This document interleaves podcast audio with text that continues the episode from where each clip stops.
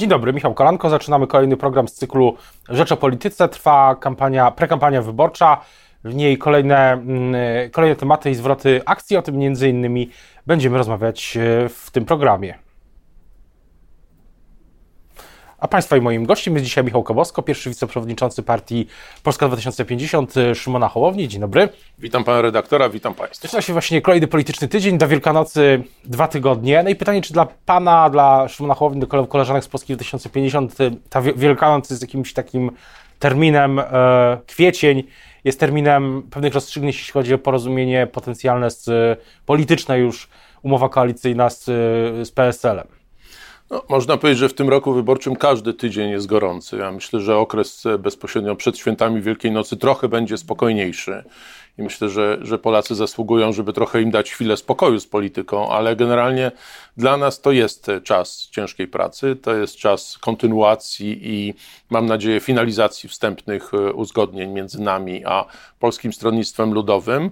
Zobaczymy, jak będzie. Na razie te rozmowy idą. E, ja jestem ostrożnym optymistą i wydaje mi się, że obie strony są na tyle przekonane, na tyle zdeterminowane, byśmy rzeczywiście przed świętami Wielkiej Nocy mogli powiedzieć, że taki sojusz wyborczy na wybory tej jesieni jest możliwy. To już będzie cała umowa koalicyjna, czy tylko wstępne, wstępne porozumienie? Nie, nie, nie. To jest cała umowa koalicyjna, to jest dość skomplikowana kwestia dość skomplikowanych ustaleń, daleko idących i zapisów, które muszą w niej się znaleźć. Ja od razu powiem i wyjaśnię, że my nie myślimy o tego typu umowie, jaką pisma E, ze swoimi przybudówkami. Ta ostatnia słynna umowa z republikanami pod tytułem dzielimy, e, dzielimy stanowiska, dzielimy instytucje, dzielimy pieniądze. E, to nie o to chodzi. Chodzi o to w tej umowie, o której my rozmawiamy z PSL-em, byśmy rzeczywiście podzielili się odpowiedzialnością, jeśli chodzi o pracę w kampanii wyborczej. Nie chodzi tylko o miejsca na listach, ale to jest cały zestaw zespół czynników, które w sumie mają sprawić to, byśmy jako ta para dwóch niezależnych oddzielnych partii, mieli wynik w wyborach zdecydowanie lepszy niż gdyby te partie startowały oddzielnie. Umowa będzie jawna, bo umowa, o której Pan mówi, została ujawniona przez dziennikarzy, chyba przez kolegów Stefan 24. No właśnie, ta umowa, która została ujawniona, pachnie na kilometr taką typową starą polityką. Starą polityką w polskim wydaniu, taką trochę z lat 90., taką ćwierć wieku temu. Wielu liderów, wielu polityków, którzy w tej chwili w Polsce są, działają, no można powiedzieć, że ma korzenie w tym okresie i oni być może myślą, że inaczej nie można. My uważamy, że inaczej można i trzeba. Mamy XXI wiek, mamy generalnie takie poczucie w Polsce szczególnie, że ludzie nie mają zaufania do polityki, są zdystansowani, uważają, że wszyscy kręcą w polityce.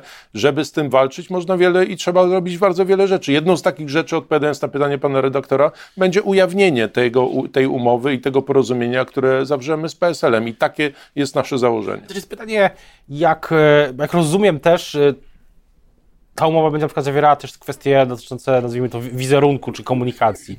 Na przykład no, to jest oczywista nazwa tego koalicyjnego komitetu też będzie w niej zawarta i to chyba, jak rozumiem, to, a to będzie, e, na ile to będzie nazwa nowa? Zaskakująca. No, no, oczywiście nazwa jest y, elementem także marketingu politycznego, co oczywiste. My nad tą nazwą, o tej nazwie w tej chwili także rozmawiamy, dyskutujemy i mamy poglądy, mamy kilka koncepcji, kilka pomysłów. Na pewno chcemy zaskoczyć, chcemy pozytywnie zaskoczyć, więc to nie będzie po prostu nudna nazwa typu Koalicyjny Komitet Wyborczy PSL e, Polska 2050. E, proszę jeszcze chwilę poczekać. My, mam nadzieję, zaskoczymy pozytywnie tą nazwą. To, a jeszcze pytanie jest o innych potencjalnych członków tej koalicji, czy tego koalicyjnego komitetu, bo z jednej strony wydaje się, że jest pytanie o, jednej pytanie o samorządowców, czy y, mogą być na tych, na tych listach, jeśli tak, to z których, czy to będą ci, z której jakby, z którego środowiska samorządowego, a dwa, właśnie pytanie o inne, innych polityków, inne partie, potencjalnie na tym, inne mniejsze organizacje, stowarzyszenia na tej, na tej liście. W, którym kierunku to może jeszcze pójść? No, po pierwsze, panie redaktorze, mówiliśmy i mówimy z, z pełnym przekonaniem i mówimy szczerze, że skupiamy się w tej chwili na rozmowach dwustronnych. To są, jak powiedziałem, dwie różne partie przychodzące z różnych stron, z różną historią. Partia o najdłuższym stażu w Polsce, jaką jest PSL i o stażu najkrótszym z liczących się partii, jaką jest Polska 2050 Szymona Hołowni. To nie są proste rozmowy, ale jak powiedziałem, rozmowy, które wierzę, że zakończą się, bo one dobrze idą, wierzę, że zakończą się pozytywnie. Więc skupiamy się na rozmowach dwustronnych, żeby je dopiąć i żeby je dopiąć w możliwie szybkim czasie, tak żeby ludzie rzeczywiście zobaczyli, że na opozycji możliwe są nie tylko rozmowy, ale możliwe jest porozumienie, konstruktywna współpraca. Zależy nam nie tylko na tym efekcie, ale po prostu na stworzeniu pewnej, pewnej konstrukcji mm, akonto wyborów. Natomiast y, mogę potwierdzić, że zgłaszają się do nas także inne środowiska i to są samorządowcy, istotne i osoby, i istotne, i istotne środowiska samorządowe z całej Polski. Zgłaszają się środowiska polityczne.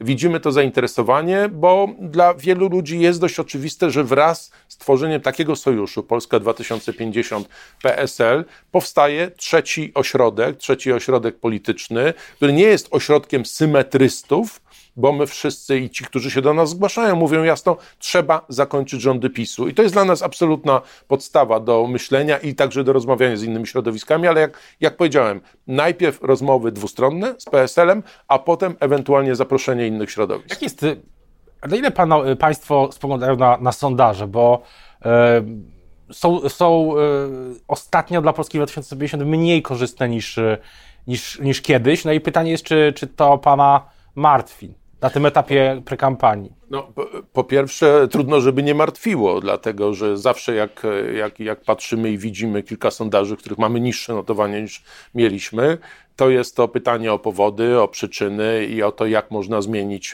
pewne trendy. E, po drugie, trzeba jednak patrzeć szerzej i trzeba sobie jasno powiedzieć, że obniżyło się poparcie dla wszystkich partii opozycyjnych i to jest problem dla całego obozu opozycji demokratycznej, bo to nie jest tak, że ci wyborcy koniecznie idą gdzieś, ale oni się zniechęcają. Jakaś część wyborców może e, straciła, mam nadzieję, przejściowo i będziemy walczyć e, o to, żeby odzyskać to zaufanie, no ale stracili część wiary w to, że opozycja jest w stanie wygrać.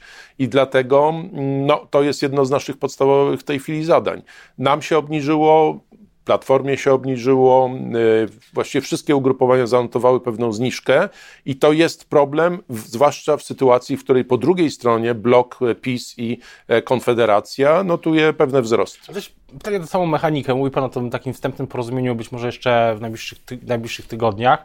A kiedy, a kiedy mm, w sondażach, w tej tak zwanej kafeterii, w badaniach poparcia powinna być e, uwzględniona tylko, od, kiedy, od którego momentu powinien być uwzględniony tylko ten sojusz, jeśli powstanie? Od tego momentu, gdy Kościelka Hołownia sobie publicznie podadzą ręce i powiedzą, że tak idziemy wspólnie do wyborów, czy do momentu, kiedy będzie umowa koalicyjna, bo to też wpływa na postrzeganie tego bloku, bo na przykład w Rzeczpospolitej sprawdziliśmy poparcie dla Polski 2050 i e, PSL-u i też e, samorządowców, no to było 15%, czyli dwucyfrowy mocny wynik prawdopodobnie na no, kilkadziesiąt no, mandatów. No, o sojuszu będzie można mówić od tego momentu, w którym sojusz zostanie potwierdzony. Jeżeli z takim przesłaniem wystąpią obaj liderzy, Szymon Hołownia i Władysław Kosiniak-Kamysz, no to będzie przesłanie wiążące także dla wyborców i także dla instytutów, które przeprowadzają badania. Dzisiaj jeszcze nie ma takiej sytuacji, ale dzisiaj już takie sondaże, już takie badania nie tylko Państwo przeprowadzili, bo także partie polityczne, także my oddzielnie i PSL oddzielnie.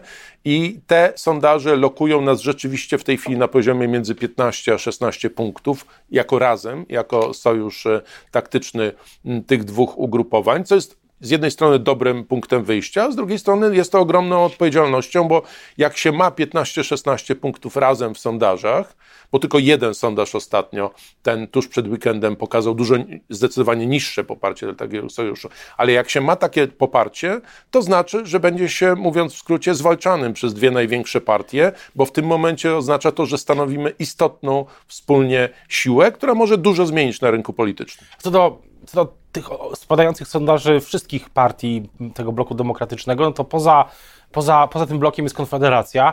Jako Konfederacja ostatnio rośnie, chociaż oczywiście e, bardzo jest wcześnie na tej, w tej prekampanii, jeszcze będzie dużo zwrotów akcji i dużo rzeczy się wydarzy też w badaniach poparcia. O to pytanie, mm, z czego Pana zdaniem ten wzrost, te wzrosty wynika? Czy one się, e, to jest, e, bo to chyba jest coś więcej niż tylko to, że Sławomir Mencen ma dobrze prowadzone konto na TikToku.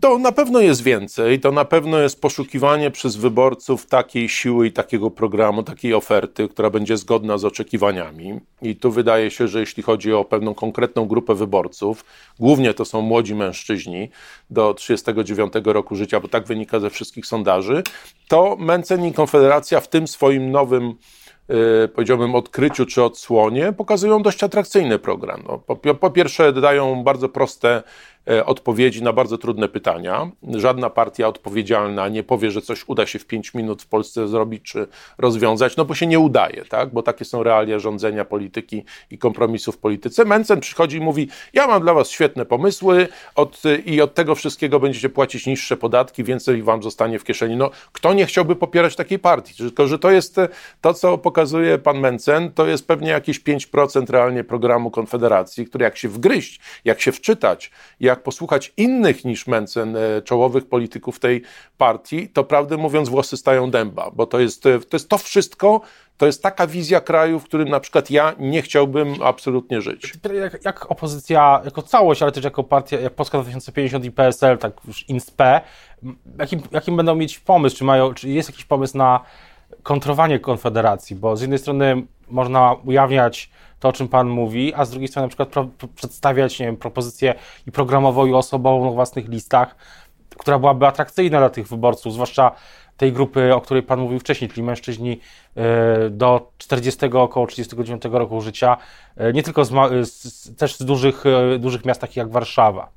No, tak jak Pan przed chwilą słusznie powiedział, to jest czas prekampanii już wyborczej, prawie kampanii. No ta prawdziwa kampania będzie, będzie w czasie wakacji, a już oficjalnie zaraz, zaraz po wakacjach, jeśli mamy mieć wybory w drugiej połowie października. Na pewno w czasie prekampanii, już na pewno szczególnie w czasie prekampanii, wszystkie partie potrzebują wyrazistości, potrzebują konkretnych haseł, konkretnych programów. Na tym dzisiaj wygrywa e, Konfederacja, bo jak powiedziałem, daje takie populistyczne, e, bardzo oczekiwane przez e, przez wyborców zapewne odpowiedzi, ale nierealistyczne odpowiedzi, oderwane od rzeczywistości, od rzeczywistości polskich finansów publicznych, systemu podatkowego itd., tak itd. Tak ale my też takie wyraziste odpowiedzi będziemy dawać. E, można powiedzieć, że to dobrze wręcz e, niejako stało się, że ten wzrost Konfederacji i takich populistycznych poglądów ma miejsce na 7 miesięcy przed wyborami. Gdyby on był chwilę przed wyborami, bardzo ciężko nie byłoby znaleźć antidotum, ale ponieważ jest 7 miesięcy, będziemy uważnie analizować to, co oni e, proponują, będziemy przedstawiać własne propozycje, pokazywać oderwanie od rzeczywistości, czy, czy pewne bujanie w obłokach, które dzisiaj reprezentuje pan Mencen. No i przede wszystkim, bo to także, także, także nasza odpowiedzialność, pokazywać realne poglądy tej właśnie partii, czyli niechęć do kobiet i ich praw, do LGBT, do Żydów, do mniejszości, do obcych, chęć wyprowadzenia Polski z Unii Europejskiej i zamknięcia nas w takim polskim zaścianku, takim, żeby właściwie Polacy tylko tutaj mogli czuć się dobrze, no bo przecież wrogowie są wszędzie. To są takie poglądy jak PiSu, tylko powiedziałbym jeszcze do pewnej potęgi podniesione. Pytanie o propozycję osobową. Na przykład wyobraża Pan sobie, że z, tej, y, z tego porozumienia, z tej listy, z tego koalicyjnego komitetu na przykład startuje y, Artur Dziambor, Partia Wolnościowcy. Oni, Artur Dziambor odszedł z Konfederacji y, i pozycjonuje się jako taki właśnie umiarkowany, libertarianin, wolnościowiec. Czy pyta Pan o ewentualny start z naszej listy, tak. tak, koalicyjnej? No, proszę wybaczyć, ja w tej chwili w żadne konkretne nazwiska nie będę wchodził, bo wiem, że natychmiast byłbym cytowany, że kogoś zapraszamy na listy. Rozmawiamy z wieloma środowiskami. Oczywiście, że rozmawiamy ze środowiskiem pana Dziambora także. To jest jedno z tych środowisk, które, które no widać, że szuka swojego miejsca na rynku politycznym, bo oni odeszli albo zostali wyrzuceni z Konfederacji w jej nowej odsłonie. Reprezentują poglądy liberalne, które do wielu osób trafiają, zwłaszcza tych właśnie o poglądach liberalnych. Mogą, może to, to środowisko stanowić pewną przeciwwagę dla opinii i poglądów pana Mencena, ale jak powiedziałem, w tej chwili nie wchodzimy w personalia, bo nasze rozmowy na dzisiaj są z PSL-em. Też czyli najpierw e, zakończenie rozmów z PSL-em, później na przykład rozmowy też potencjalnie na przykład ze środowiskiem Jana Strzeszka, byłego rzecznika porozumienia. Wczoraj był Pan na konwencji jego, jego środowiska, jego stowarzyszenia. Tak, byłem na konwencji Stowarzyszenia Młoda Polska i to rzeczywiście jest Młoda Polska. To stowarzyszenie jeszcze niedawno było częścią środowiska, które współtworzyło porozumienie Jarosława Gowina i my nie zapominamy, że to środowisko współtworzyło tym samym tak zwaną Zjednoczoną Prawicę. Więc e, o tym nie zapominając, widzimy jednak totalną zmianę i odejście od tego, pod czym oni się podpisywali przez ostatnie lata. Tu mamy konkretne stowarzyszenie grupujące młodych ludzi z całej Polski i kiedy rozmawiam z nimi, a wczoraj na ten temat była ta konwencja, e, rozmawiamy na kluczowe tematy dla młodych Polaków, czyli problem z mieszkaniami, problem klimatu i e, energii czy energetyki, czy problem edukacji, jakości edukacji w Polsce od najniższego poziomu aż po uniwersytety, to słyszę bardzo wiele postulatów, pomysłów i opinii, które są zbieżne z naszymi, które my, Polska 2050, już przedstawiliśmy w naszych dokumentach programowych. To pewnie odpowiem już na następne pytanie. To nie oznacza, że tworzymy, wchodzimy w jakąś koalicję, ale widzimy sens we wspieraniu takich środowisk, które jasno mówią, że dalsze rządy PiSu w Polsce byłyby szkodliwe i nie rozwiązałyby żadnych właśnie z tych kluczowych problemów. Na koniec jeszcze pytania o samą, samą opozycję, bo pakt senacki powstał, e, takie ramowe, ramowe porozumienie. Jak rozumiem, w kwietniu, czy no, może już trochę później ma być aktualizacja, taki ścisły już podział e, mandatów, to jest jedna rzecz. Ale druga, no pytanie, co powinno się wydarzyć na samej opozycji?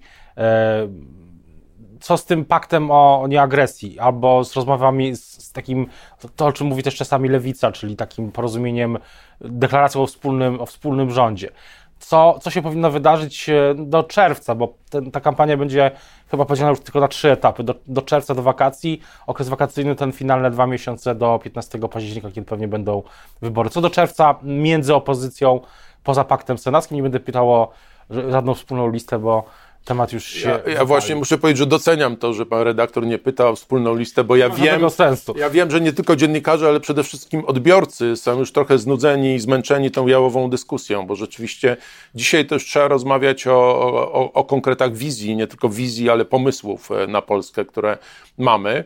I y, ja uważam, że trzeba rozmawiać wspólnie. I y, czy to będzie pakt o nieagresji jako pewne minimum, Jesteśmy absolutnie gotowi, żeby taki dokument podpisać, a co najważniejsze, żeby wdrażać pewne takie myślenie pod tytułem nie atakujmy się e, bezpośrednio nawzajem, jeżeli chodzi o opozycję demokratyczną, nie odsądzajmy się od czci i nie, nie mówmy, że ktoś jest głupszy, bo jest mniejszą partią, czy, czy, czy ten ktoś, nie oskarżajmy, że chce wejść w jakiś układ z PiSem, bo to nie ma najmniejszego dzisiaj sensu, jest to kontrproduktywne i kontrskuteczne.